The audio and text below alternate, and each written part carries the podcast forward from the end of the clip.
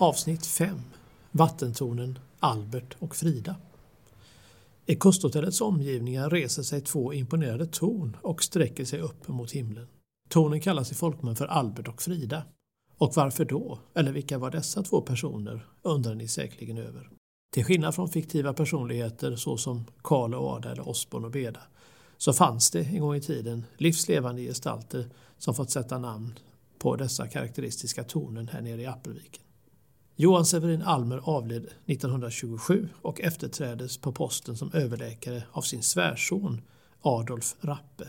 Rappe var endast engagerad under några månader och kom att efterträdas i tjänsten av Robert Hansson. 1940 avlider Robert Hansson och han efterträds på överläkarposten av Albert Alberg som var Appelvikens kustsanatorium troget i hela 26 år. Den i Skåne födde Alberg var en både duktig, trevlig och folklig läkare, tillika en omtyckt chef.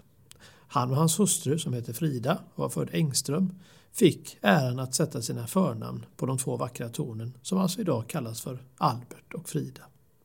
Varför finns då dessa båda tornen här på platsen och vad har det haft för funktion och vad används det till idag?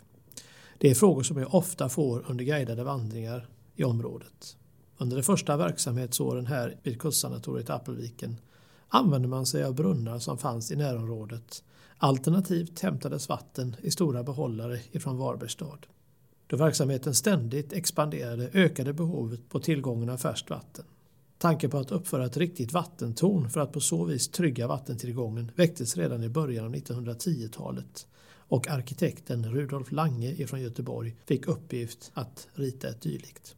För att trygga vattenfrågan för lång tid framöver borrades ett 91 meter djupt borrhål i berget och därmed erhölls rikligt med vatten och 13 000 liter per timme kunde pumpas upp.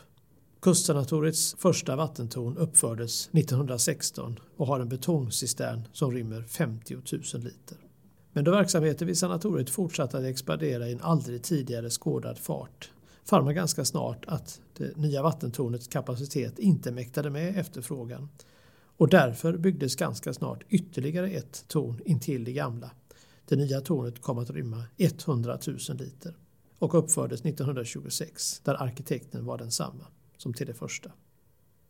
De båda vattentornen var i bruk ända in på 1970-talet då hela anläggningen kopplades in på Varbergs kommuns vattenledningssystem.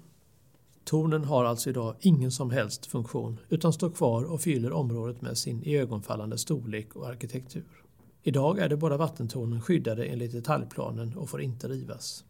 De förvaltas av kurortens samfällighetsförening som förvaltar övriga ytor och funktionaliteter i området.